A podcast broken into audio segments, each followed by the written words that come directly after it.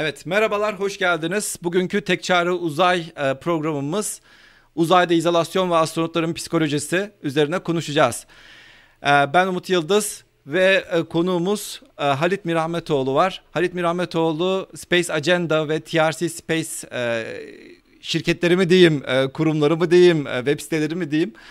Bunların sahibi hem kurucusu hem sahibi. Onunla beraber uzay hakkında şöyle e, güzel bir e, program yapmayı düşünüyoruz. Evet Halit'ciğim. Aslında e, çok ha, küçük evet. çok küçük bir e, sen sen de kendine e, şey yapsan sen de e, en azından uzayla ne kadar nereden başladık ne, ne yaptık küçük bir şey de tanıtabilirsen güzel olur. Merhaba arkadaşlar. Ee, ben de aslında bakarsanız astronomi uzay bilimlerinden başladım buna. Ee, ama akabinde uzay proje yönetimi üzerine master yaptım. Bir türlü doktor yazamıyoruz çünkü doktoram hala bitmedi ama e, uzay bilimleri üzerine de hala e, doktoram e, devam ediyor. E, ben de işte e, 4 sene önce Türkiye'ye geri döndüm. 5 sene olacak neredeyse. E, Göktürk 1 projesinde çalıştık. Göktürk 1'i gönderdik. Şu an güzel güzel çalışıyor uydumuz. Ve hali hazırda e, Türkiye'de ve Estonya'da bir şirketim var. Çalışmaya devam ediyoruz şu evde olduğumuz günlerde özellikle e, biraz daha e, bu bilim toplum çalışmalarına e, yardım edelim istedik. Ben de bir kanal açtım. Adı da Mir Uzay İstasyonu. Hatta evet, bazı arkadaşlar e, şakasını yapıyorlar. Mir Uzay İstasyonu'nun sahibi diye evet doğrudur. Mir Uzay İstasyonu'nun sahibiyim an itibariyle. Evet evet. Ben hep e, Umut'u Miruza istasyonuna davet ediyordum. Bir türlü e, nasip olmadı. E, an itibariyle tam tersini yaptık. Ben onun uzay istasyonuna geldim. E, gerçekten uzay istasyonuma geldin ama. Yani gerçekten uzay istasyonuna geldin. Yani. Evet. E, Halit'le aslında çok uzun yıllardır. Ben e, Ankara Üniversitesi Astronomi, Astronomi Uzay Bilimleri bölümündeydim. Halit de aynı zamanda Ege Üniversitesi Astronomi Uzay Bilimleri bölümündeydi. İkimiz de böyle ya birbirimizi duyuyorduk büyük ihtimalle ama yani hiç e, hiç o sıralarda tanışma fırsatımız olmamıştı. Ya ben orada ben Ankara Astronomi Topluluğu Başkanıydım. E, sen başkanlık yapmış mıydın Ege Astronomi? Öyle bir şey var mıydı? Ama yani çok Bizim aktif olduğunu astronomi topluluğumuz yoktu o dönemlerde. Ama çok aktif ama olduğunu tutulum, biliyorum. Tutulum amatör doğru, doğru, doğru. kurmuştuk o zaman. Doğru. Eskiler yani bilirler tutulum. İnternetin ilk zamanlarında e, bir mail grubumuz vardı ve Yahoo bin küsür kişi vardı mail tabii, grubunda. Tabii, tabii tabii. Bin kişi yani o Yahoo gruplarında öyle bin kişi toplamak e, bayağı büyük bir olaydı. Neyse Yıl ben de o sıralarda duyardım yani. Çok arkadaşın yaşı e, belli olacak. Yahoo grup mu, Google grup mu onlar da ne falan diye e, şey yapabilirsiniz. Evet ya biz, biz birbirimizi o sırada duyardık. Yani ben de yurt dışına gittim. E, Halit de aslında üniversiteyi bitirince e, yurt dışına gitti. Sonra e, hangi ülkeler demeyeceğim. Çünkü gitmediğin ülkelerden sayarsak e, herhalde daha kısa zamanda bitiririz.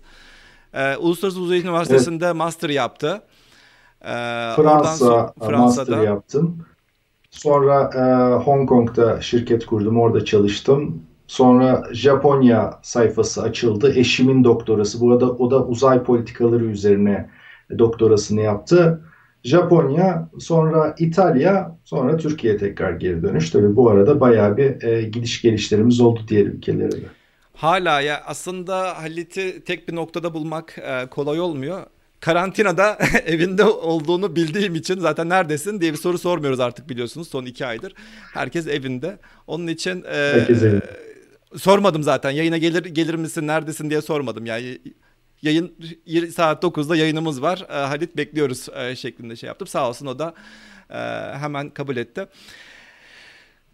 Aslında Halit'i özellikle bu konuyu konuşması için e, çok istedim. Çünkü Halit'in astronotlarla ya da böyle uzay profesyonelleriyle yani dünyadaki uzay profesyonelleriyle bayağı bir ilişkisi var. Hatta e, kaç tane astronot tanıyorsun? Yani benim toplasam yani, birkaç tanedir. Maksimum birkaç tane, bir iki tane geçmez yani. Sen kaç tanedir? Yani aynı masada yemek yediğim bir 20'nin üzerinde vardır herhalde. Evet yani e, yemek yedi. Ben yemek e bile yemedim.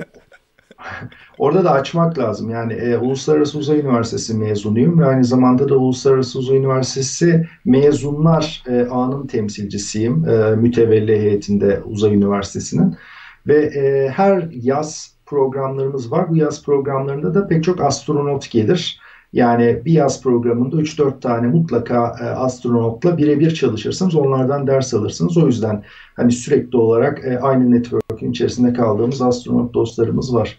Evet evet. Yani Uluslararası Uzay Üniversitesi'nden de astronotlar çıkmaya başladı değil mi? Öyle bir şeyler oldu. Tabii tabii. Oldu evet evet.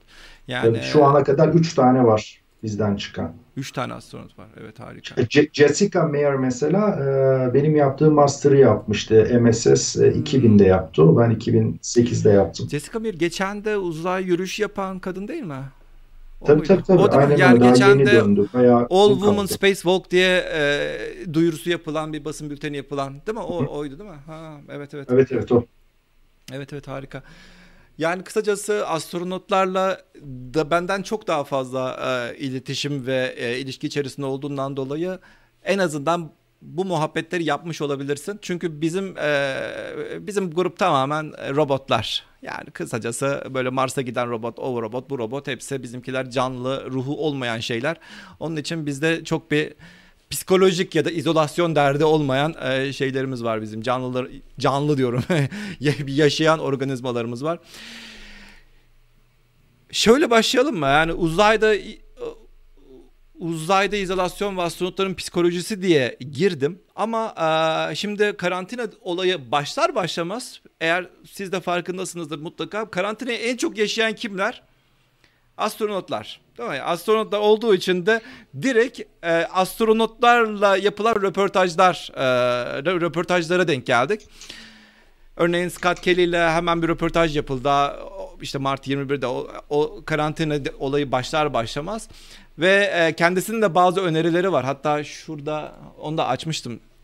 Tam da ondan bahsedecektim işte neler önerirsiniz diye söylüyorlar ya işte karantinada madem siz bu kadar uzun süre karantinada yaşayan insansınız ki Scott Kelly de çok uzun süre karantinada yaşadı biliyorsunuz bir seneye yakın.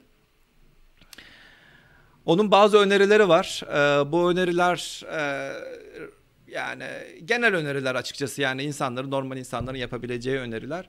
İşte follow a schedule diyor yani sabah rutininize devam edin. Aslında e, Halit sen de devam edebiliriz. Ben sürekli de ben konuşuyor gibi oluyorum ama yani kanal senin. Kanal benim. konuğa, konuğa ses mikrofon vermedim de dedirttirmek istemiyorum. Yok. Neyse kendisinin bazı evet. önerileri var. Onlardan yani kısaca bunlardan bahsettikten sonra zaten e, izolasyonun ne demek olduğundan e, beraberce e, tartışabiliriz. İşte e, schedule diyor burada diyor mu? Yani e, sabah rutininize devam edin diyor. Yani örneğin işe gidiyorsanız işte kravatınızı takıyorsanız ya da e, ödevinizi yapan bir öğrenciyseniz yani okula giden bir öğrenciyseniz sabah kalkın diyor. Ya bunu e, yani şimdi normalde bizde e, güneşin doğmasına göre işleyen bir biyoritmimiz var. Evet. E, sabah güneş doğuyor. Eğer perdeler açıksa zaten size bir müddet sonra uyandırıyor. Yani ne kadar miskin olursanız olun e, işte öğlene kadar mutlaka ve mutlaka uyanıyorsunuz. E, gece de belli bir saatten sonra uykunuz geliyor. Hava karanlık olduğu zaman tekrar uyuyorsunuz. Ama uzaya çıktığınız zaman bir kere öncelikle gün ışığı aynı şekilde ilerlemiyor. Çünkü yaklaşık 90 dakikada bir sürekli olarak e, gün doğuyor, batıyor. Yani e, hatta 45 dakikada bir gün doğuyor, batıyor. Tabii ki bu biyoritminizi engelliyor ve belli saatlerde bazı şeyleri yapmanız lazım. Yoksa e, geceniz gündüzünüz birbirine giriyor. O yüzden de aynı dünyadaki saatlerde nasıl yaşıyorlarsa o saati aynen belirliyorlar ve o saatte kalkıp o saatte e, çalışmaya başlayıp belli saatinde de yatmaya dikkat ediyorlar. Yoksa bir müddet sonra gerçekten e, hani o senin e, uzun seyahatlerin sonrasında jet lag yemen gibi günleri birbirine karışıyor. Kendilerini çok yorgun, halsiz hissetmeye başlıyorlar. Ya zaten Circadian Rhythm diye bir şey var. Hatta çok süper bir kitap var. Ee, Why We Sleep zannedersem adı. Ee, neden uyuyoruz? Sanı havaalanında gelirken geçenki Türkiye'de gelişimi havaalanında görürken gelirken de Türk Türkçe'ye çevrildiğini fark ettim. Yani bir kitapçıya girmiştim. Türkçe'ye de o kitap çevrilmiş. Neden uyuyoruz diye çevrilmiş olabilir mutlaka ismi. Orada yani uyku düzeninin nasıl e, önemli olduğundan yani seni nasıl refresh ettiğinden, seni nasıl böyle yenilediğinden her şeyinden bahsediyor. Aynen dediğin gibi şimdi astronotların hayatları tamamen şey üzerine kurulu. Ee, yani herhangi bir ritim yani herhangi bir şeyi baz alarak yapabileceğin herhangi bir şey yok. Yani e, sen e, direkt Uluslararası Uzay İstasyonu'ndaysa 90 dakikada bir zaten dünyanın çevresinde dönüyorsun. Aynı zamanda aynen dediğin gibi yani gün ve gece sürekli değişebiliyor.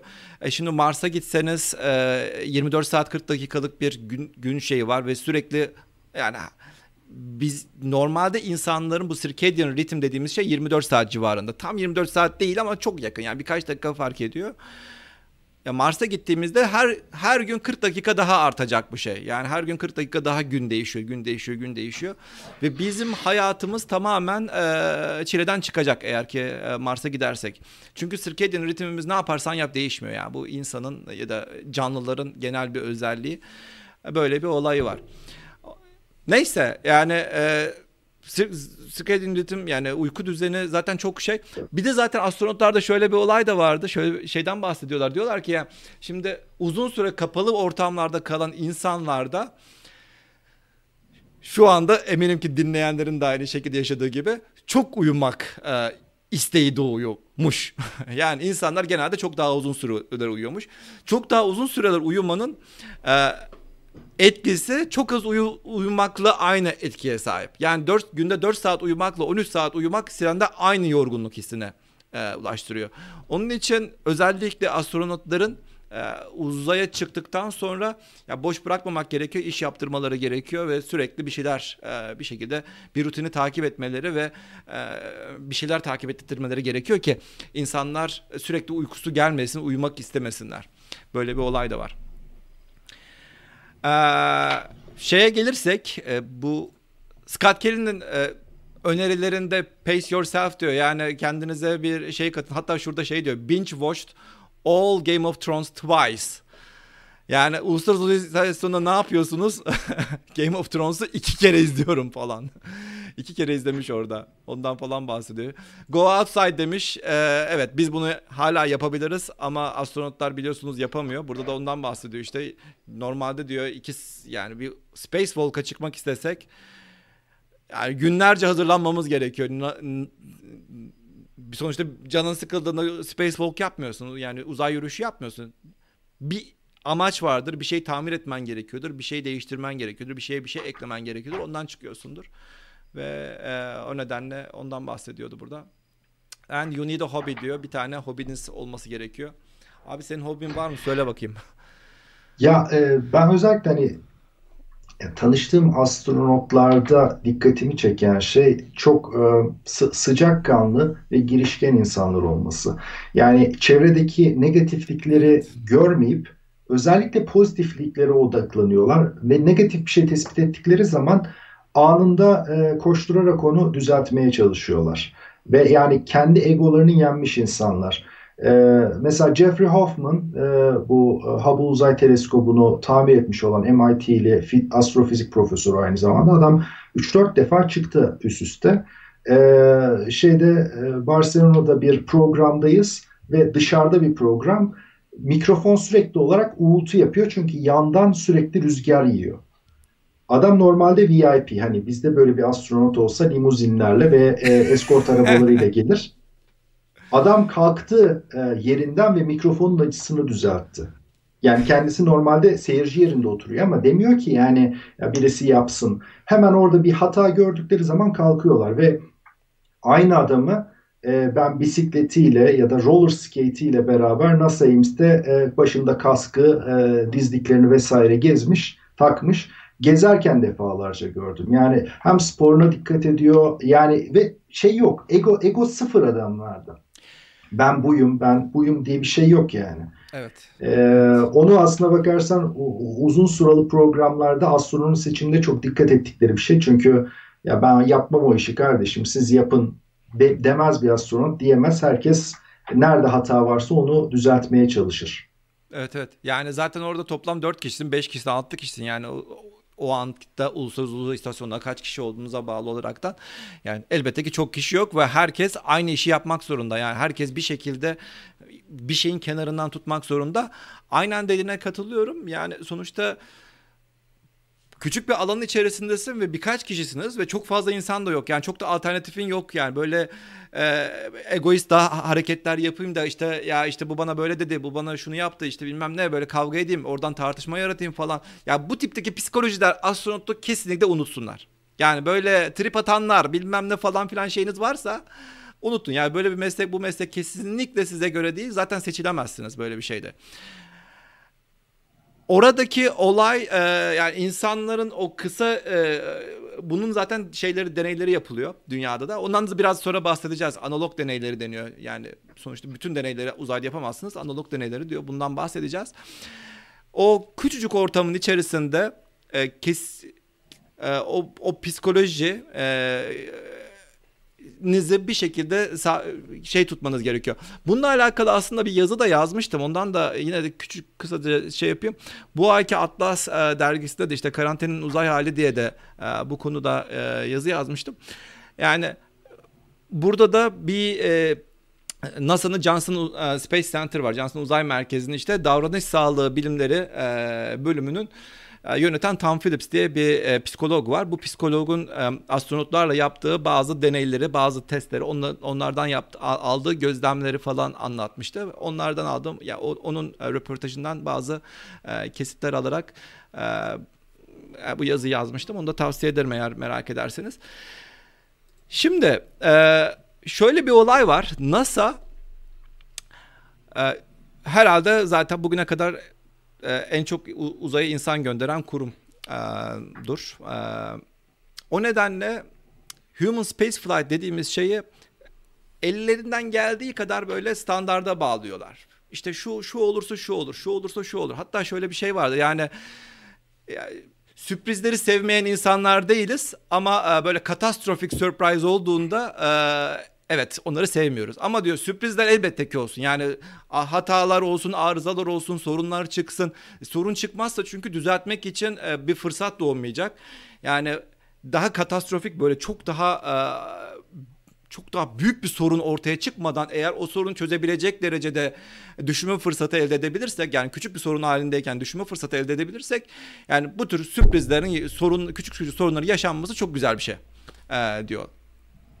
Onun için 5 e, tane NASA 5 tane Space e, Human Space Flight Hazards diye bir e, ya da tehlikeleri diye bir liste hazırlamış durumda.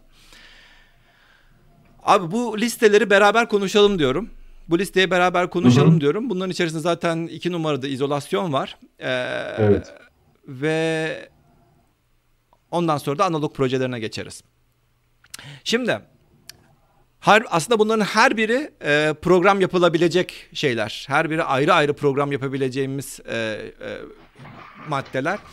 Bir tane space radiation. Ondan sonra iki numarada izolasyon var. Yani uzay radyasyonu, izolasyon, dünyadan uzaklık, e, çekim e, alanları ve uzay uzay istasyonu ya da uzay aracının içerisindeki insana zarar veren e, alanlar. Evet. İlki aslında ikiye ayırmak lazım. Birincisi e, yani alçak yörüngedeki e, uzay radyasyonu bir de e, işte Mars'a gidilmeye kalkılacağı zaman karşılaşacağın radyasyon. Çünkü şu anda manyetik alanımızdan dolayı zaten hali hazırda dünyada bu radyasyondan korunuyoruz. Bir kalkanımız var. Evet. Dünyaya yakın olduğumuz sürece de işte aynı kalkandan gene yararlanıyoruz belli bir miktar daha azalarak. Ama bu kalkandan biraz daha dışarıya çıktığımız zaman güneşin bütün radyasyonu, kozmik ışınları hiç saymıyorum e, güneşin bütün radyasyonu direkt olarak üzerimizde olacak. Bu da en büyük tehlikelerden bir tanesi aslında. O yüzden en başa yazmışlar e, Space Radiation'ı. Zaten dediğin gibi yani şeyi söyleme söylemen herhalde. Uluslararası Uzay İstasyonu da şeyin içerisinde kalıyor. Yani evet yani manyetik alanımızın içerisinde yaşıyoruz 400 da kilometre. 400 kilometre. Uluslararası Uzay İstasyonu'nda aynen manyetik alanın içerisinde kalıyor. Bu Van Allen kuşakları dediğimiz o kuşakların içerisinde kalıyor. Kaldığından dolayı da aslında böyle çok büyük bir e, güneş radyasyonu ya da kozmik ışınlara maruz kalmıyoruz. Kalmıyorlar astronotlar. Ama hı hı. E, bir 10 kat daha fazla radyasyona maruz kaldıklarını yazıyor. burada e, şöyle bir şeyi hatırlıyorum. Sanırım Scott Kelly'nin bir röportajında vardı. Yani bu gece uyurken diyor gözlerimi kapatıyorum diyor. Gözlüklerle kapatıyorsun diyor. Işıyor, flashlar şey yapıyor diyor böyle e, ışıl ışıl ışıl şey Hı-hı. geçiyor diyor. Yani onlar işte bu kozmik ışınlar diyor da o radyasyon parçaları gözümün önünden geçtiğini hissediyordum diyor. Böyle bir evet, e, etkisi varmış. Aynı şekilde yani Mars'a gidiş 6 ay. 6 aylık bir yolculukta yani sen böyle bir korumadan tamamen uzakta kalacaksın. Tamamen uzakta kaldığından dolayı da zaten e, bir şekilde senin bu uzay radyasyonundan korunacak şekilde bir e, katmana ihtiyacın olacak. Evet, e, izolasyona geçelim mi asıl konuya? İzolasyona geçelim. İzolasyon, evet. Şimdi özellikle e, birkaç arkadaşın yorumunu da gördüm. Yani yukarıya çıkıp e, işte çıldıran, sağa sola saldıran e, astronotlar yok mu e, diye soruyorlar. E, öncelikle hani eğitim aşaması gerçekten hani uzun. E, sadece fiziksel değil, psikolojik olarak da sizi e, nasıl bir insan olduğunuzu tam olarak algılamaya e, yönelik bir eğitim çalışması ve tabii backup'larınız da yani yedek astronotlarla beraber hareket ediliyor. E, yani herhangi bir şekilde sizde psikologlar bunu sezerlerse zaten e, yandı gülüm keten elde yukarıya çıkamazsınız. Bitti aynen öyle bitti. Yani görev yerine getirmeyeceğinizle alakadar en ufak bir düşünceye sahip olurlarsa sizi keserler. E, yukarıya çıktığı zaman e, yani yukarıda şimdi e, en çok korkulan şey bu kısa süreli uzay turistleriydi. Çünkü e, çok kısa süreli e, eğitimler alarak yukarıya çıktılar ve bunların problem yaratmasından korkuyordu aslına bakarsanız e, şeyler. E, yani çünkü şu anda Ruslar da Amerikalılar da uzun süreli eğitimlerden sonra gönderiyor. Ama e, işte bazı uzay turistleri de yukarıya çıktı. Onlar çok daha kısa süreli eğitimlerden geçerek yukarıya çıktılar ve onlar hani tamam siz gitmiyorsunuz deme gibi bir şey lüks yoktu. ISS'te bunun e, korkusunu yaşadıklarını biliyorum. Gene ona keza hani jest olsun diye bazı ülkelerin astronotlarını yukarıya e, çıkartmak için işte özellikle Ruslar kendileri alıp eğittiler. E, orada da problemler olduğunu ve bazılarını yukarıya çıkartmayıp başka astronot gönderdiklerini de biliyoruz. Ama yukarıya çıkıp hani fiziksel problemler dışında psikolojik problemler e, yaşamış olan bir astronot ben bugüne kadar bilmiyorum açıkçası. Hani görevi e, tehlikeye atacak kadar psikolojik bir bunalıma girmiş birini e, bilmiyorum. E, özellikle e, şey de var hani e, e, yukarıdaki astronotun e, fiziksel durumunu sürekli olarak monitör ediyorlar. E, psikolojisini de monitör ediyorlar. Yani sürekli olarak e, onlara işte şey vardır mesela bakınız e, uzayda bugün e, diye bir web sayfası var. Özellikle hangi gün uzay istasyonunda hangi müzikle uyandırıldığını Houston tarafından e, söylüyor. İşte her gün başka bir müzikle, başka işte esprilerle vesairelerle uyandırıyorlar ki yukarıdaki astronotların morali sürekli olarak yerinde kalsın diye. Evet evet. Ben e, geçenlerde bir tweet atmıştım. Bu biliyorsun bu yeni 2017'de seçilen bir yeni nesil astronotlar e, vardı. Astronot grubu seç, grubu vardı. E, tweette de şey dedim işte iki yıllık bir çalışmanın ardından, iki yıllık bir eğitimin ardından astronot olur, astronot e, akademisinden mezun oldular falan. Gelen yorum ne biliyor musun? astronot akademisi iki yıllık mı olur? İki yıllık okul iki yıllık okumaktansa bilmem ne falan. Yani e, millete taktığı şey. Neyse evet e, aynen dediğin gibi o iki yıl yani astronot seçilmeden önce zaten en azından bir master e, ya da doktoran oluyor. E, bildiğim kadarıyla en az iki e, büyük alanda e, uzman oluyorsun. Yani örneğin astrofizik yapıyorsan bir taraftan Evet, büyük ihtimalle tıp fakültesi bitirmiş olman gerekmiyor ama yani iki işi aynı anda ya da elektrik mühendisisindir aynı zamanda. Yani iki tane işi aynı anda yapabilecek derecede. Çünkü az insan var. Birka yani birkaç işi yapabilecek derecede yetenekli olması isteniyor o insanların. Ee, ve aynen dediğin gibi de iki yıllık bir sürenin ardından da e, orada da her türlü gözlemler yapılıyor. Her türlü zor şartlar altında e, eğitim görüyor, çalıştırılıyor. Ondan sonra hala başarılı oluyorsa e, iş devam ediyor. Ve aynen dediğin gibi de yani en başta dediğin gibi böyle o insanların e, birbirlerin birbirlerini böyle e, sevmeme ya da işte böyle iyi geçinmeme, on, onda haset duyma, işte sen çıka sen çık sen daha iyisin, ben daha kötüyüm bilmem ne. Ya bu tür şeyleri eminim ki çok rahat seziliyordur oralarda ve bunların da olmasına kesinlikle izin verilmiyordur.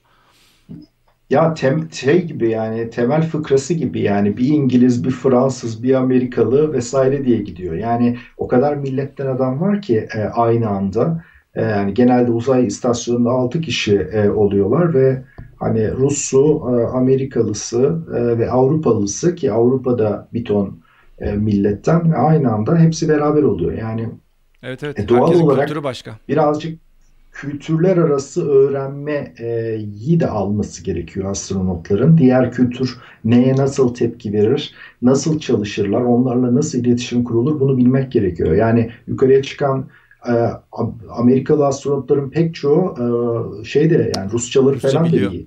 Evet evet. Çünkü gidiyorlar Moskova'da çalışıyorlar, ediyorlar vesaire.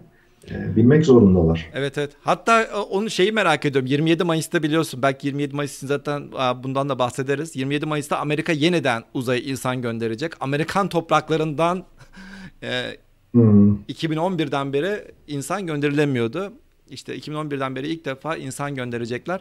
Ve doğal olarak artık Rusça'ya ihtiyaç hissetmeyecek yeni astronot nesli oluşabilecek mi bilmiyorum. Ama yani Ruslar her halükarda bu işin bir realitesi. Rusçayı öğrenmen gerekiyor.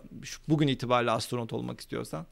Böyle bir olay da var. Yani soy, Soyuz'u kullanarak e, dünyaya geri dönmek istiyorsan e, evet. mecbur e, Rusça bileceksin oradaki evet, düğmeleri evet. vesaire. Hatta şu e, Gravity filminde vardı. E, Soyuz'la dünyaya geri dönmeye çalışıyordu mesela şey. E, doğru, Rusça doğru, doğru. neden butonlara basmaya Butonlar Rusça tabii değil mi? Tabii tabii. Ee... Evet evet. Doğru haklısın. Burada şeyden bahsediliyor yani izolasyon dendiğinde de e, şöyle bir örnek veriliyor. Şimdi insanlar normalde çevrelerine karşı çevrelerindeki e, durumlara karşı adapte olmak istiyorlar. Örneğin sen şu anda evdesin. Evindeki duruma karşı adapte olmaya çalışıyorsun. Evinde ne kadar yemek var? İşte şu kadar yemek var. Diyorsun ki evet bu kadar yemekle ben bu kadar uzun süre yaşayabilirim. İşte şu var, şu e, şuraya gidebilirim, bunu yapabilirim. Evet zamanımı işte örneğin YouTube izleyerek ya da şunu yaparak geçirirsem işte survive edebilirim, hayatta kalmaya devam edebilirim.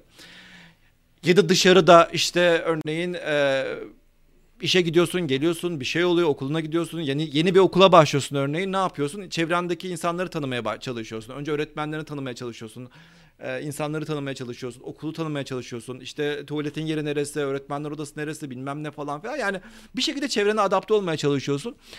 İzolasyonda şu problem var. Çevren yok. Adapte olabileceğin bir ortam yok.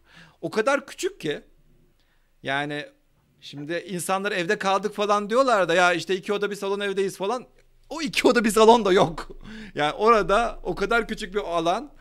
E, o alanın içerisinde işte yatağında, tuvaletinde, yiyeceklerinde, mutfağında, tamir edeceğin şeylerde, yapacağın deney e, sehpası da her şey aynı şeyin içerisinde. Doğal olarak adapte olabilmen e, diye bir ortam çok fazla oluşmuyor. Oluşmayınca da işte sorunlar başlıyor. İşte psikolojik sorunlar orada devreye giriyor. İşte sırf bu nedenle e, işte gördüğünüz gibi isolation hazard number two yani e, tehlike NASA bunu belirgin insan e, insan uz, insanlı uzay yolculukları için belirgin bir tehlike olarak görüyor. İzolasyonda insanların neye dönüşeceklerini önceden tespit etmeye çalışıyorlar. Önceden anlamaya çalışıyorlar.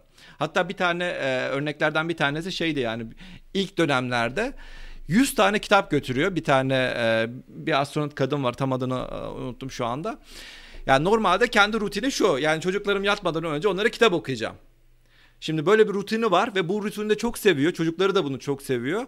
Ama bunu devam bunu yapamıyor uluslararası uzay istasyonunda. Yapamadığı için 100 e, tane kitabı almış, getirmiş. Anladığım kadarıyla fiziksel kitap getirmiş. Yani normalde sana da garip geldi değil mi? 100 tane kitap kardeşim. 100 tane kaç kilo biliyor musun onlar falan?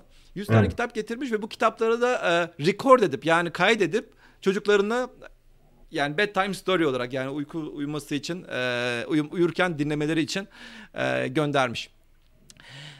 Yani senin bir şekilde rutinine devam ettirmen de gerekiyor. Kendi rutinine çalış devam ediyorsun. Şimdi yanlış hatırlamıyorsam bir deney var vardı özellikle hani e, şeylerle fareler üzerine yapılmış bir deneyde e, çok e, geniş bir e, alan içerisinde işte bölümler yapıyorlar ve fareleri bırakıyorlar e, ve her bölümde yani tam olarak hatırlamıyorum sayısını ama yüzlerce farklı oda var ve her birinde de eşit sayıda yemek var ve farelerin belli odalarda daha fazla e, bir araya geldiklerini fark ediyorlar. Ve oradaki yemeği bitiriyorlar, birbirleriyle hırlaşmaya başlıyorlar. Halbuki diğer e, bölümlerde hala yemek var. Hmm. Şimdi biz insan olarak da aslında bir arada olmaya çalışıyoruz ve bir arada olduğumuz zaman da belli noktalardaki kaynakları bitiriyoruz. Bunu zaten şehirlerde vesairede aynı zamanda görüyoruz bu sosyalleşmeyi kendi içinde yönlendirmeye çalışıyor astronotlar. Mesela yemek yerler. Yemek yerken e, özellikle e, bu pantolonların üzerinde cırçırtlar var. E, yemek tablalarını o pantolonların üzerindeki cırçırtlara yapıştırıp oturur pozisyondaymış gibi hani sanki aynı, aynı zamanda dünyadaymışlar gibi bir arada oturup beraberce yemek yemeye çalışıyorlar ki çünkü bu sosyalleşmenin bir gereği kendilerini iyi hissediyorlar burada. Ee, yoksa hani istedikleri zaman gidip mutfaktan istedikleri yemeği alıp yiyebilirler aslında ama e, o şekilde yemeği bunu günde üç defa yapmayı tercih ediyorlar. Çünkü bu sosyal e, davranış kendilerini iyi hissettiriyor. Tabii kaynak da tükenmediği için an itibariyle birbirleriyle kavga etmiyorlar ama belki yiyecek az olsa bir müddet sonra e, gerçekten psikolojileri darmadağın olacak. Birbirlerini yiyecekler. Birbirlerini tamam, yiyecekler. tamam o zaman. Ha yani Survivor ama zaten normal insanların uzaya çıkmamasının sebebi de bu herhalde yani. Özellikle seçiliyor. Özellikle bu tür sorunları evet. yaşamayacağını düşündükleri insanlar için. İnsanlar en başından seçiliyor ve e, bu şekilde e, gidiyor. Şey var e, bu e, bu Dr. Williams'ın e, raporunda bir e, bir parça vardı. Ondan onda onu okumak istiyorum aslında. Orada da şundan şey diyor işte e, izolasyonu 3 adımda tanımlıyor. Birincisi diyor çevrede konuşacak insan olmadığından yaşanan sosyal kopukluk. İşte onun için iyi insanlar olmanız gerekiyor. Birbirleriyle iyi da iyi geçinen yani trip atmayan insanlar olması gerekiyor. Olur da zaten orada dört kişisiniz. Bir tanesi trip atsa, ötekisinin psikolojisini bozsa falan şak bütün şey darmadağın olur. Hani dişliler şey olur bir tanesine bir tane çomak atarsan bütün dişte parçalanır ya. Yani onun gibi bir şey yani. Sosyal kopukluk yaşamaması gerekiyor. İkincisi kendini ortama ayarlamada yaşanan zorluklar. Şimdi herkesin de bir rutini var değil mi? Yani ben örneğin kendi evimde artık yaşama öğrendim ama örneğin Halit'in evine gitsem ya tamam yani bir gün iki gün misafir olarak yaşarsın ama belli bir desem ki Halit ben senin evinde iki ay kalacağım. Ondan sonra e, doğal olarak kendi yani o o evi ya da o odayı bir şekilde kendime adapte ettirmeye çalışırım. Ya işte e, işte mobilyadaki şunu şuraya koymak isterim, ötekisini oraya koymak isterim vesaire vesaire. Bazı insanlar yeni bir ortama hiç adapte olamıyorlar. Hani derler ya ben e, kendi yatağımdan başka bir yerde yatamam. yani, yani, Yadırgıyorum. Ha, yatağımı yadırgadım falan tarzında. Ee, böyle böyle durumları olmayan insanlar olması gerekiyor zaten. Yalnız arkamdaki fotoğraf müthiş ya. Ben çok sevdim ya. seni, ya şimdi seni sen böyle küçük... Be, benim evde niye yaşayasın? Seni küçük ee, tutuyor. Işte, güzel Kupola'da yaşıyorsun. Kupola'da yaşamak ya. Şuraya baksanız arkadaşlar. Şöyle arkadan bakıyorum yani böyle dünyaya. Vay be. Neyse üçüncüsü de İnsanlar uzun vadede ortama başarıyla ayak uydurup uyduramadık, uydurmadıklarını çevre, çevrelerindeki etmenlerle karşılaştırarak anlıyor. Ancak izolasyonda bu imkan olmadığı için akıl sağlığını korumak güçleşiyor. Yanlış yaptığında kendilerini düzeltecek bir mekanizma da bulunmuyor. Yani sonuçta her şey karşılaştırmayla e, şey yapılıyor. Şimdi Halit'in evine girdim. Gittim. Orada yaşamaya başladım. Artık e, çoraplarımı attım bir kenara. Halit diyor yani olmaz kardeşim buraya çoraplarını buraya atamazsın. Bilmem ne falan filan. Yani e, birisinin beni uyarması gerekiyor ki yani bir şekilde e, o ortamın kurallarına göre kendimi adapte etmem gerekiyor. Tabii bunu da yapan, e, sağlayan bir kurum var. O kurumun adı Mission Control. Her şey e, Mission Control e, tarafından e, sağlanıyor ve Mission Control'da bitiyor. Burada şunu söyle, e, sen bir şey söyleyeceksin sandım da. Burada e, şunu söylemek gerekiyor. Mission Control e, aynen dediğim gibi her şeyi kontrol ediyor. Aslında astronotları e, böyle özgür insanlar olarak da düşünemezsiniz. Çünkü uzaya kadar gitmişler. Hatta Scott Kelly'nin röportajında da diyor yani yemek yiyorum iş diyor. Ee, uyan uyuyorum iş. Uyandı, uyandığımda iş. Dişimi fırçalamam ayrı bir iş. Yani çünkü dişini fırçalaması bile sonuçta bir bilimsel deney olarak kullanılabiliyor. Yani her şey e, yemek yemesi, o yemeğe E, yemeğe verdiği tepki bilmem ne falan her şey aslında kendisi kendisinin bir deney. Yani sürekli e, biri bizi gözetliyor evinde yaşamaktan e, farkı yok. Onları bir nevi robot olarak Şimdi, şunu söyleyeyim de onları bir nevi robot olarak da düşünebilirsiniz. Çünkü e, size şu iş yapılacak deniyor, o iş yapılıyor. Yani hatta astronotların çoğu da zaten e, örneğin hepsi bir biyolog falan değiller ama bir biyoloji deneyi veriliyor. Diyorlar ki işte şöyle kristal deneyi yapacaksınız. Şöyle işte şu şu şu deneyi yapacaksınız. Bütün malzemeler uzayda yapılacak e, şekliyle e, zaten şeyle gönder kargo ile gönderiliyor. Astronotları onu alıyorlar. Birisi yapmak yapmak zorunda onu değil mi? Alıyor işte zaten o bilim insanı da can, büyük ihtimalle Johnson Space Center'a gidiyor. Orada diyor ki işte evet şu e, şu deney tüpünü kaldır. işte onu şuna dök. Şundan şu şu miligram şuna dök. Bunu buna dök falan filan. Ya kısacası bir nevi robota yaptırır gibi ama insana yaptırıyorsun. Vesaire böyle bir hayatları var. Ve e, bir şekilde yani bu hayatla beraber de çok da yoğun da bir hayat yaşıyorlar. Ee, aynı zamanda işte şey de var yani istasyonda rutinin dışında bir şeyler bozuluyor onu tamir etmen de gerekiyor. İşte e, yani aynı zamanda işte egzersiz de yapman gerekiyor. Günde iki saate yakın iki, iki buçuk saat egzersiz yapacaksın. Yani senin bu, bunlara alışkanlığın yoksa zaten e, mümkün değil. E, devam ettiremezsin hayatını orada. Evet bir şey diyecektim. Ben bu e, yani izolasyonda özellikle mission control önemli demiştik. Mission control'le bağlantıdan biraz bahsetmek istiyorum. Şimdi e, ISS ile 7/24 bağlantı kurma imkanımız yok. Sonuç olarak e, bağlantı kurulabilir zamanlar var.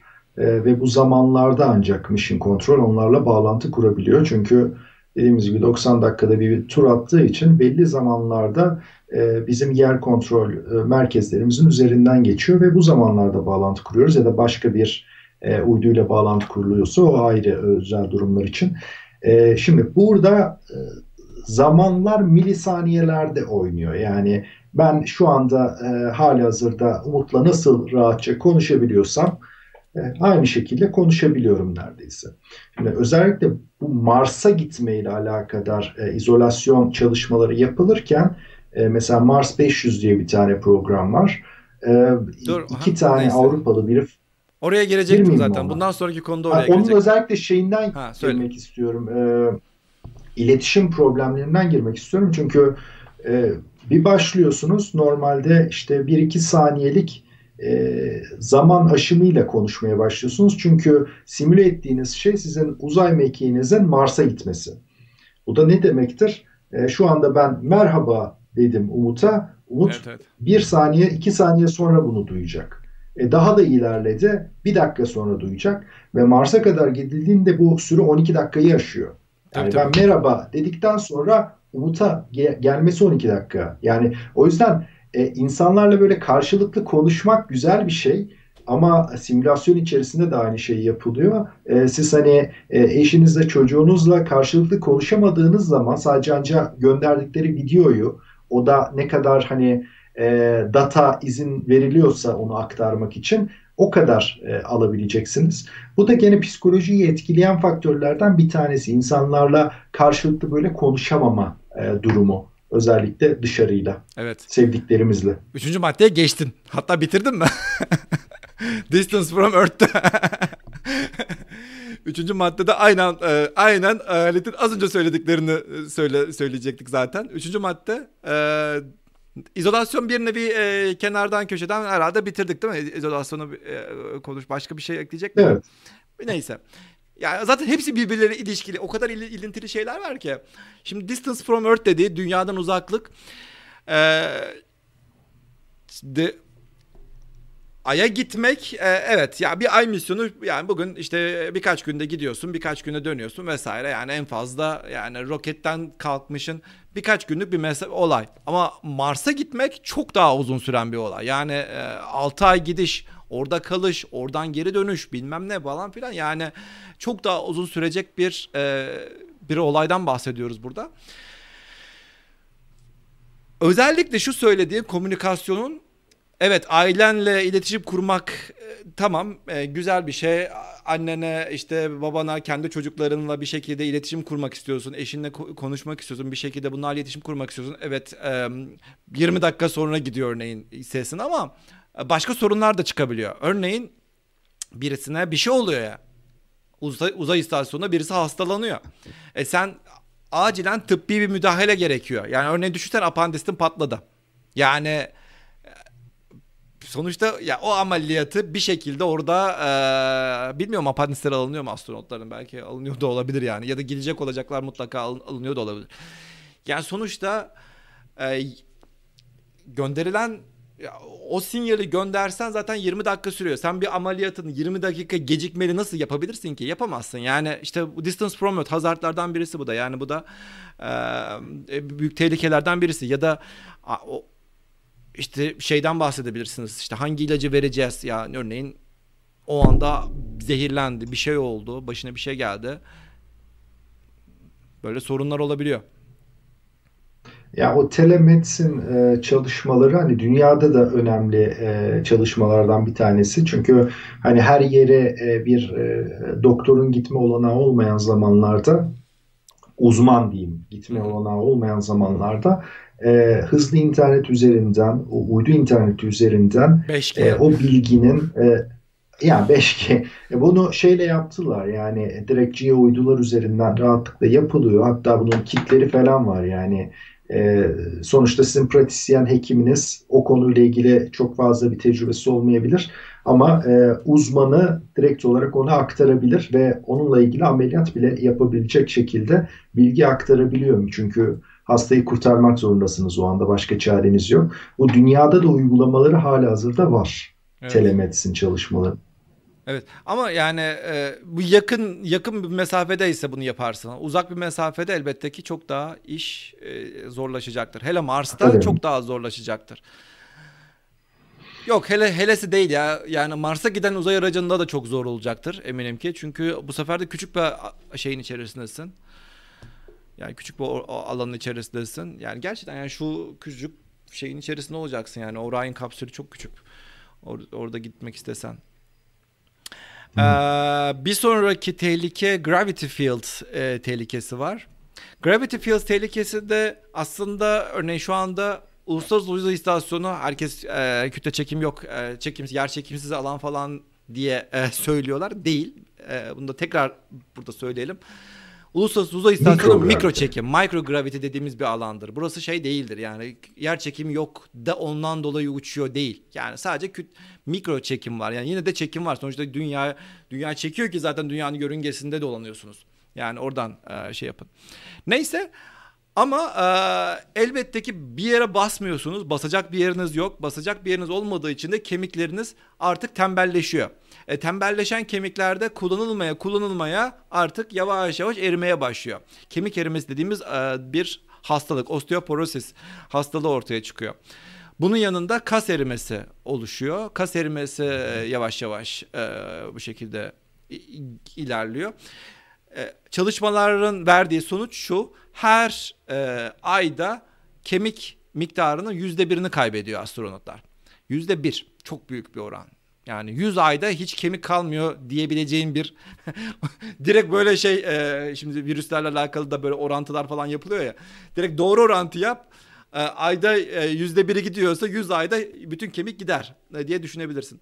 Büyük ihtimalle öyle olmayacak çünkü e, sen yani büyük kimse onu denemeyecek. Yani kimse böyle bir test yap, yapmayacağız büyük ihtimalle. Onun için her astronot uzaya çıkar çıkmaz egzersiz yapıyor. Sürekli egzersizler. İşte birisi yazmış iki saat az az gel, geldi birisine. Daha fazla olması gerekiyor falan. Daha fazla da olur. Yani en az iki saat diye bir şey diye biliyorum. Sen farklı bir sayı biliyor musun? Yok en az 2 saat deniyor. İşte en az 2 saat falan deniyor. 2-2,5 saatlik böyle bütün kemiklerini çalıştırabileceğin e, şeyler var. Böyle egzersizler var. Bunları yapman gerekiyor ki kemik kemikini kaybetme. Yine de kaybedeceksin. Yine de kaybediyorlar. Kemik kaybını e, kemik kaybı geri gelmiyor bu arada. E, kemiğini ne kadar kaybedersen astronotluk evet güzel bir meslek ama dünyaya geldiğinde kaybettiğin kemikle kalıyorsun. Kas erimesi e, biliyorsunuz zaten e, böyle iyi sporcular iyi kas yapıyorlar sonra birkaç ay e, çalışmıyorlar sonra bir bakıyorum işte kaslar erimeye başlıyor falan. Kas erimesi bir problem teşkil etmiyormuş. Kas eridikten sonra sen dünyada yeniden çalışacak, yeniden o kasları elde edebiliyorsun ama kemik erimesi çok kötü. Ee, bir sonuç doğuruyor. Bir daha geri gelmiyor. Düşans, düşünsene 100 kiloluk halterlerle çalışıyorsun yukarıda. Ya, ya şey, da e... sen, bil, sen, sen bile tekerle 500 tane e, şınav çekebilirsin herhalde. E şey e, geçenki programda Hubble'ın tamiriyle alakalı program yapmıştık da oradaki e, bir astronot vardı. Astronot şey diyor. E, 700 kiloymuş o modüllerden bir tanesi. Hubble'a taktıkları modüllerden pardon 700 pound 350 kilo. 700 poundluk şeyi parmağımla ittirerek sokuyorsun diyor. Yani o kadar e, sonuçta kütle çekim yok herhangi bir kütle çekim yok o değil. O yüzden de Mikro spor yapmanın var. kolay olduğunu düşünmeyin lütfen yukarıda. Ee, gerçekten hani kendilerini bağlayıp özellikle e, lastikli e, cihazlarla kaslarını çalıştırmaya çalışıyorlar. Çünkü e, dediğimiz gibi ağırlık kaldıramıyorsunuz. Kaslarınıza başka türlü e, kuvvet uygulamanız lazım ki kullanabilirsiniz. Evet. Yalnız bu yine de e, mikro çekim ortamı. yani yine de mikro çekim ortamı. Bir de Mars'a gideceğini düşünün. Mars'a 6 ay boyunca yani bu sefer mikro çekim ortamı da yok. Herhangi bir dünyanın çekiminden de etkilenmeyeceksiniz. Siz direkt e, Mars'a doğru yolculuk yapacaksınız. Hem uzay aracının kendi şey hızı falan da var vesaire vesaire. Yani yine orada 6 ay boyunca az önce bahsettiğim etkiyi zaten yaşayacaksınız. E Mars'a gidince sanki bir şey çok daha iyi mi olacak? Hayır. Mars'a gidince de sizi 1 bölü 3 kütle çekimi bekliyor. Bir şey diyecektin herhalde. Biraz daha iyi yani nispeten. yani nispeten iyi. Yani bir zıpladığında 3 katı fazla yukarı, daha yukarı zıplayacaksın. Ama yani e, yine de çok iyi bir şey sizi beklemiyor. Yani dünyadaki gibi bir ortam beklemiyor. Eminim ki orada da bu egzersizlere devam edilecektir. Yani henüz şey yapılmamıştır da yani. Hatta şeyden bahsediliyordu. Yani eğitim programlarından falan bahsediyorlar da. Yani Mars'a şimdi 6 ay yolculuk da hiç kısa bir şey de değil aslında. 6 ayda ben şu programı yaptık. 6 ay sonra bu programı dinlediğinde aa ben bunları mı demişim falan diyorum. Sen de dersin büyük ihtimalle. Yani o kadar Yok yani, demem. Bilgi bilgiyi de unutuyorsun. Yani sen şu anda bir, bir ders alıyorsun. Aldığın dersi e, yani ne bileyim sınava geçmek için dersi alıyorsun değil mi? Sonra sınavı geçer geçmez unuttum diye hissedersin ya. Aynı onun gibi. Bir de 6 ay sonra olduğunu düşünün. Sizi Şimdi astronot eğitiminde özellikle Mars astronotlarının eğitiminde de ya bütün her şeyi baştan vermeyeceğiz diyor. Çünkü zaten 6 ay sonra Mars'a indiğinde bunları unutma ihtimali var diyor. Onun için diyor yolda da eğitime devam edeceğiz diyor. İşte izolasyonda canı sıkılmaması için yolda da eğitime devam edeceğiz diyor. Yolda da aynı sınıf e, şeklinde e, eğitimler devam edecekmiş. Vardığında örneğin son iki ay kala öğrenmesi gereken şeyi son iki ay kala yani tam Mars'ta uygulayacağı bir şey son iki ay kala öğreteceklermiş vesaire.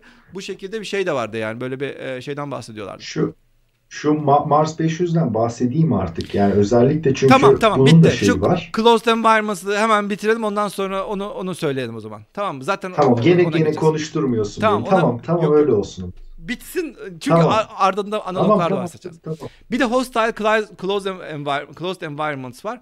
Bu da uzay aracının kendi içerisinde kendi içerisinde ki sorunlar. Örneğin bir yerde bir spark çıktı, bir e, neden at, elektrik atladı hop e, uzay aracı alev aldı bittin. Ya da sen dünyadan evet temiz bir şekilde gittiğini düşünüyorsun ama yanında bir şekilde bakteriler falan götürüyorsun. Ama bu bakteri örneğin uzayda çok farklı davranıyor. Ve e, uzayda da bakteri şeyler işte e, sen sendeki mikroorganizmaların diğer astronotlara çok daha hızlı transfer olduğu e, bulunmuş. Yani kısacası senin sende hastalık yaratmayacak bir bakteri örneğin başka bir astronotta hastalık yaratabilecek bir duruma gelebiliyor uzay ortamında ve böylelikle e, evet ne yapacaksın? Yani kendi uzay aracının içerisi de aynı zamanda tehlike oluşturabiliyor. Apollo 13. Nokta. Yani e, Apollo söyle, söyle, nokta 13'te Apollo 13'te ne oldu? Sonuçta e, Ay'a yolculuk sırasında gerçekleşen bir patlamayla görevi yerine getiremediler ve dünyaya zar zor geri dönebildiler. E, yani eğer bir, bir parça daha büyük bir patlama olsaydı zaten astronotların artık hiçbir şey yapma şansı kalmayacaktı. Ee, ki dünyada da bunun örneği var. Bir başkasında da e, Apollo 1'de oldu sanırım değil mi? E, Gus Grissom'ın e, şeyde İlk Apollo'dan bahsediyorsun. Direkt yerde evet, bir evet. Yer, yerde yanarak e, evet, evet. Gemini'de mi oldu? Apollo'da memnun olamadım. Apollo 1'de yani kapsülün içinde yerde testler sırasında iki astronot yanarak öldü. Yani ee, Apollo'nun bir tane belgeseli çıktı geçen sene. İzle, izle, izleyin onu mutlaka izleyin. Tam kimin çıkarttı? Apollo Apollo 11 hatta adı. Büyük ihtimal Apollo 11 olması lazım. Belgesel o günkü gerçek e, footage'ları çekerek e, yeniden e, dijitalleştirerek yapılmış bir şey. Neil Armstrong'un yaşadığı bir kaza var. Yani o, o, o ya gerçekten yuh diyorsun orada öyle bir kazadan kurtulmuş ve canlı kalmış ki yani canlı oradan canlı çıkıyor ki oradan sonra adamı direkt e, aya gidiyor. Yani bu adam yani sadece birkaç e, artık ay mı bilmiyorum ne zaman yapılmış o test de ya birkaç ay sonra aya gidecek olan insan ve yarın işte e, 50 sene sonra 60 sene sonra bile is, ismini duyduğumuz Neil Armstrong öyle bir kazadan kurtulmuş şok oluyorsun. Evet analoglara e, geçelim. Sonunda sonunda analoglara geçelim. Evet. Söz mü? Söz, yani, söz. ne olduğunu sen söyle o zaman. ne olduğunu sen söyle. Ya şimdi e, bütün bu diğer testleri yapabiliyoruz. E, aslına bakarsanız hani işte radyasyon üzerine test yapıyorsunuz. Yer çekimi üzerine e, gene kendi yörüngemizde testler yapabiliyoruz ama özellikle insan psikolojisi üzerine test yapmak için insana ihtiyacımız var. Ve bunu e, yukarıda yapmak mümkün değil. E, çünkü oraya çıkan insanların zaten psikolojisinin yerinde olması lazım. Bunun için e, farklı e, ülkelerin analog astronot diye programları var. E, ve birkaç şeye bakıyorlar. Öncelikle e, insan psikolojisine, insanların beraber nasıl bera e, birlikte güzel çalışabileceklerine bakıyorlar. Ama aynı zamanda e, işte lojistik ihtiyaçlar neler ve bunlar e, uzun süreli e, programlarda nasıl çeşitlenecek buna da bakıyorlar.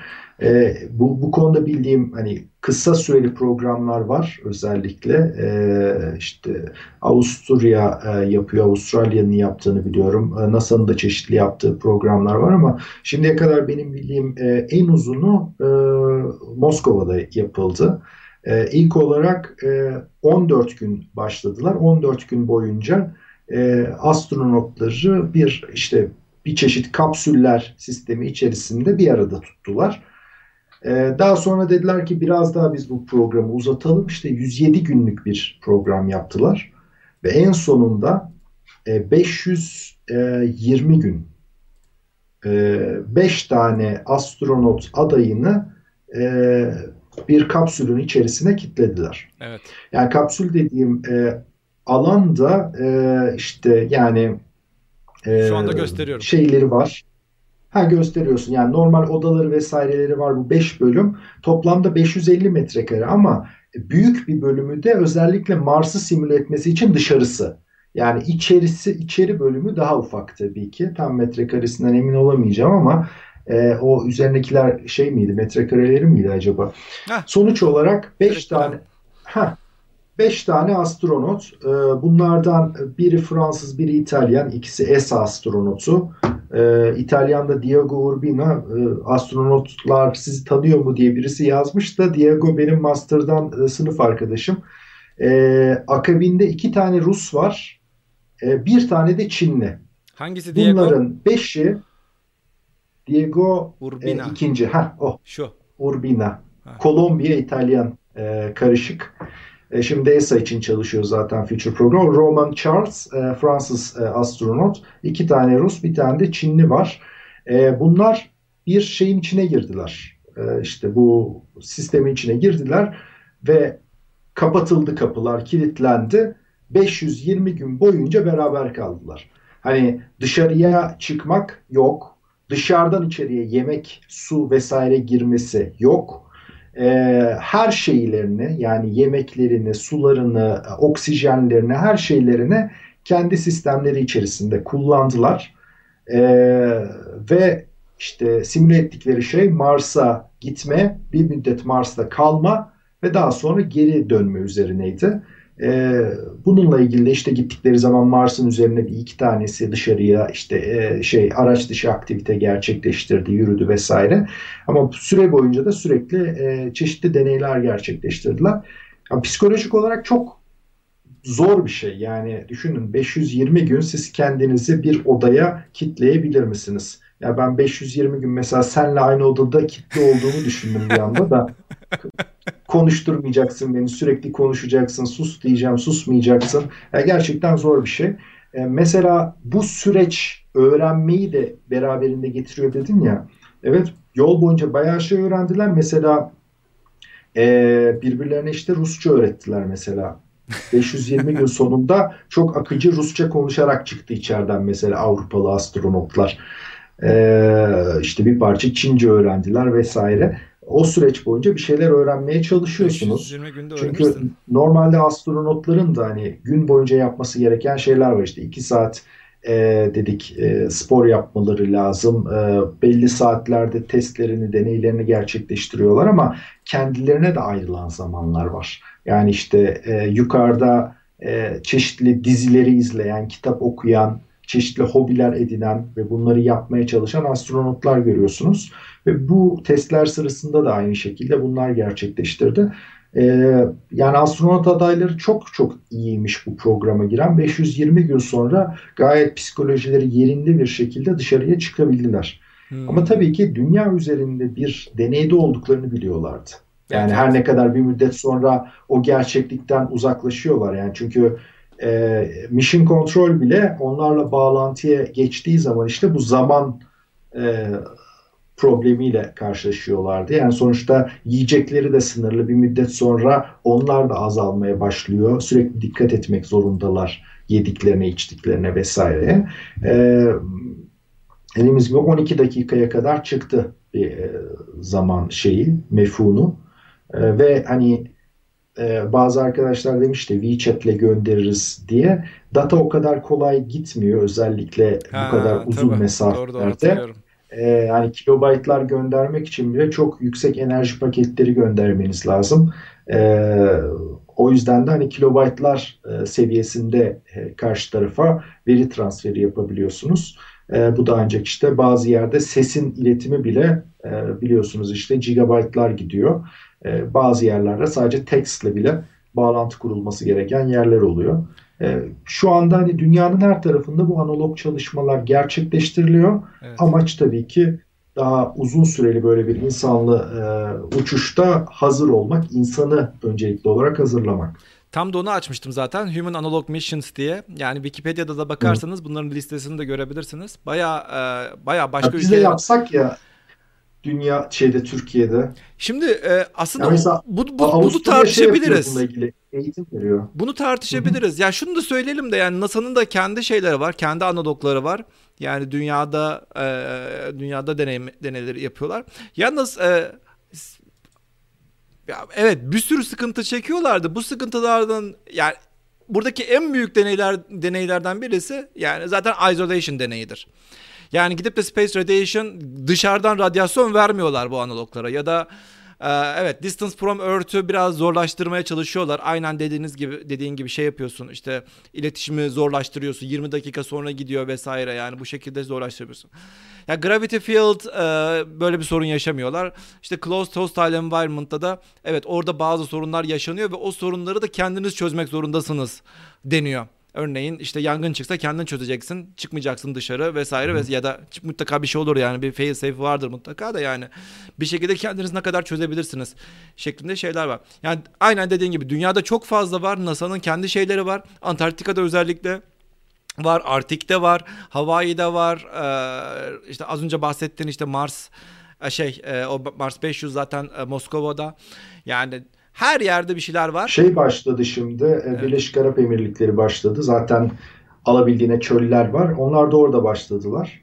E, özellikle Mars üzerine eğiliyorlar. Evet, evet. Yani Mars'a zaten e, bilmiyorum henüz bir haberde hiç de haberde duymadım. Yani hala onların 2020 el amalları gidecek mi bilmiyorum bak. Onu da bir araştırayım. Hmm. Yani çünkü biz frekansı verdik onlara. Ee, kesinlikle şu tarih bizim bize gönderdikleri trajectory bu tarihte gönderilecekti yani işte bu yaz gönderilmesi gerekiyordu diye biliyoruz. Bakalım e, gidecek mi? Evet. Gelelim senin dediğin şey yani bu Türkiye'de yapılamaz mı? Ne yapabiliriz? E, böyle bir şey düşünsek nasıl olur mu olmaz mı ya da şey yapabiliriz. Bir sorusunu cevaplandırabiliriz kendi kendi içimizde. Yani elbette ya şimdi, şunu da söyleyeyim. E, elbette ki onların yaptığı deneylerin aynısını onu yapmayalım. Onu da söyle. Ha elbette ki onların yaptığı deneylerin aynısını yapmanın da bir anlamı yok. Hatta böyle haberlerde çıkıyorlar ya NASA işte ee, ne bileyim iki hafta yatana 100 bin dolar para veriyormuş. iki ay yata, yatakta yatana 100 bin dolar para veriyormuş falan filan. Yani evet bunu da yapabiliriz. Böyle bir deney de yapabiliriz. Evet bir insanı gerçekten yatakta yatırıp e, büyük ihtimal Türkiye'de 100 bin dolar vermezler ama yani bir şekilde daha önceden cevabı bulunmayan bir soru ortaya çıkartıp bir soru sorup o soruya uygun bir analogda biz de yapabiliriz. Evet sen söyle. Bu, ya, bu yaz biz Uluslararası Uzay Üniversitesi'nin bir programı var. Ee, işte Space Studies program diye. Ama bu yaz yapamayacağız. Ee, 9 haftalık beraber insanların beraber e, olduğu bir programdı. Genelde 130 kişi kabul ediyorduk. Bu yaz yapamayacağız bunu. E, ama onun yerine ISP diye bir program başlatıyoruz. E, Interactive Space Program. Ve burada da yaklaşık 50-60 tane e, katılımcıyla 5 haftalık bir analog programı kendi evlerinden katılmalarını sağlayacağız. Hala şu an çalışmalar devam ediliyor çünkü kolay değil. Bir de işin içerisine zaman dilimleri giriyor. Yani Amerika'daki adam, Japonya'daki adam, Türkiye'deki adam farklı zaman dilimlerinde ama beraber çalışmaları gerekecek durumlar yaratmaya çalışıyoruz bununla alakalı. Ve ilk defa herhalde 5 e, haftalık yani genelde bu analog programlar hani 5-6 kişilik 10 kişiyi geçmeyen programlar oluyor. Ee, ilk defa hani bir 50-60 kişiyle bunu deneyeceğiz. Eğer online'da bunu yapabileceğimiz e, ne algılarsak e, ben açıkçası hani Türkiye'de böyle bir program başlatmak isterim. Hani sırf e, hani illa e, fiziksel olarak bir araya gelmeyi gerektirmeyen durumlar da olabilir. Yani öyle bir program da kurgulanabilir belki. Nasıl bir soru soruyorsunuz? Hangi soruyu cevaplandırmak için yapıyorsunuz örneğin? Bu tür şey? E, ya şu anda e, bu özellikle bu Covid-19 ön planda olduğu için e, bu salgın e, ve dünya ile alakadar sorular e, türetiyoruz şu anda. E, daha e, hani oradaki takım projeleri netleşmedi ama özellikle bunun üzerine e, odaklanacak. E, oradaki kurguya göre değişecek. Yani hastalık e, ve buna çözüm üretme üzerine biraz çalışmayı planlıyoruz. Hmm. Evet Türkiye'de de ya çünkü başka başlaması gerekiyor. Evet. Aynı mikrobiyal salgınlarla e, karşılaşma ihtimalim var. E, o yüzden e, yani dünyadan götürdüğün mikroplardan bahsediyorsun değil mi? Buradan götürdüğün ya da orada karşılaşacağım mikroplar. E, keşke orada mikropla karşılaşabilsek. Keşke karşılaşsak işte yani. E, keşke karşılaşsak. Yani, Yok diyemiyoruz şu an. Evrenin en büyük sorusu şu anda. Evrende sorduğumuz en büyük soru. Başka bir yerde var mı? Abi çok teşekkür ediyorum ee, katıldığın için. Ben bir dakika ben şöyle dünyaya bir daha şöyle geriye bir daha bakayım. Programı kapatmadan önce. Seni de şöyle aşağıya alayım. evet. Ben evet. gülmüyorum. Niye gülmüyorsun? Gel sen de benim sen de benden bak. Gel gel gel. Sen de şuradan bak. ben de oradan bakayım. sen de yandan bak evet. Halit, Halit'ciğim çok teşekkür ediyorum programa katıldığın için bayağı şey e, konuştuk. Astronotların e, uzaydaki izolasyon deneyimleri, uzayda nasıl e, tehlikeler var bu tehlikeler hakkında konuştuk. Bunları daha da uzatabiliriz. Aslında her bir e, tehlike çok daha uzun, çok daha böyle e, detaylı konuşabileceğimiz e, şeyler de olabilir. Başka zaman yine bekleriz programa. Yine konuşmak seve isteriz. Seve. Ben de seni bekliyorum programa. Mir evet Uzay bu arada Halit'in de Mir Uzay İstasyonu programını da e, takip edin e, lütfen. E, bizim programımızı da ta- takip etmeyi, e, like basmayı unutmayın. Kendinize iyi bakın. Bir dahaki hafta görüşmek üzere. Bay bay.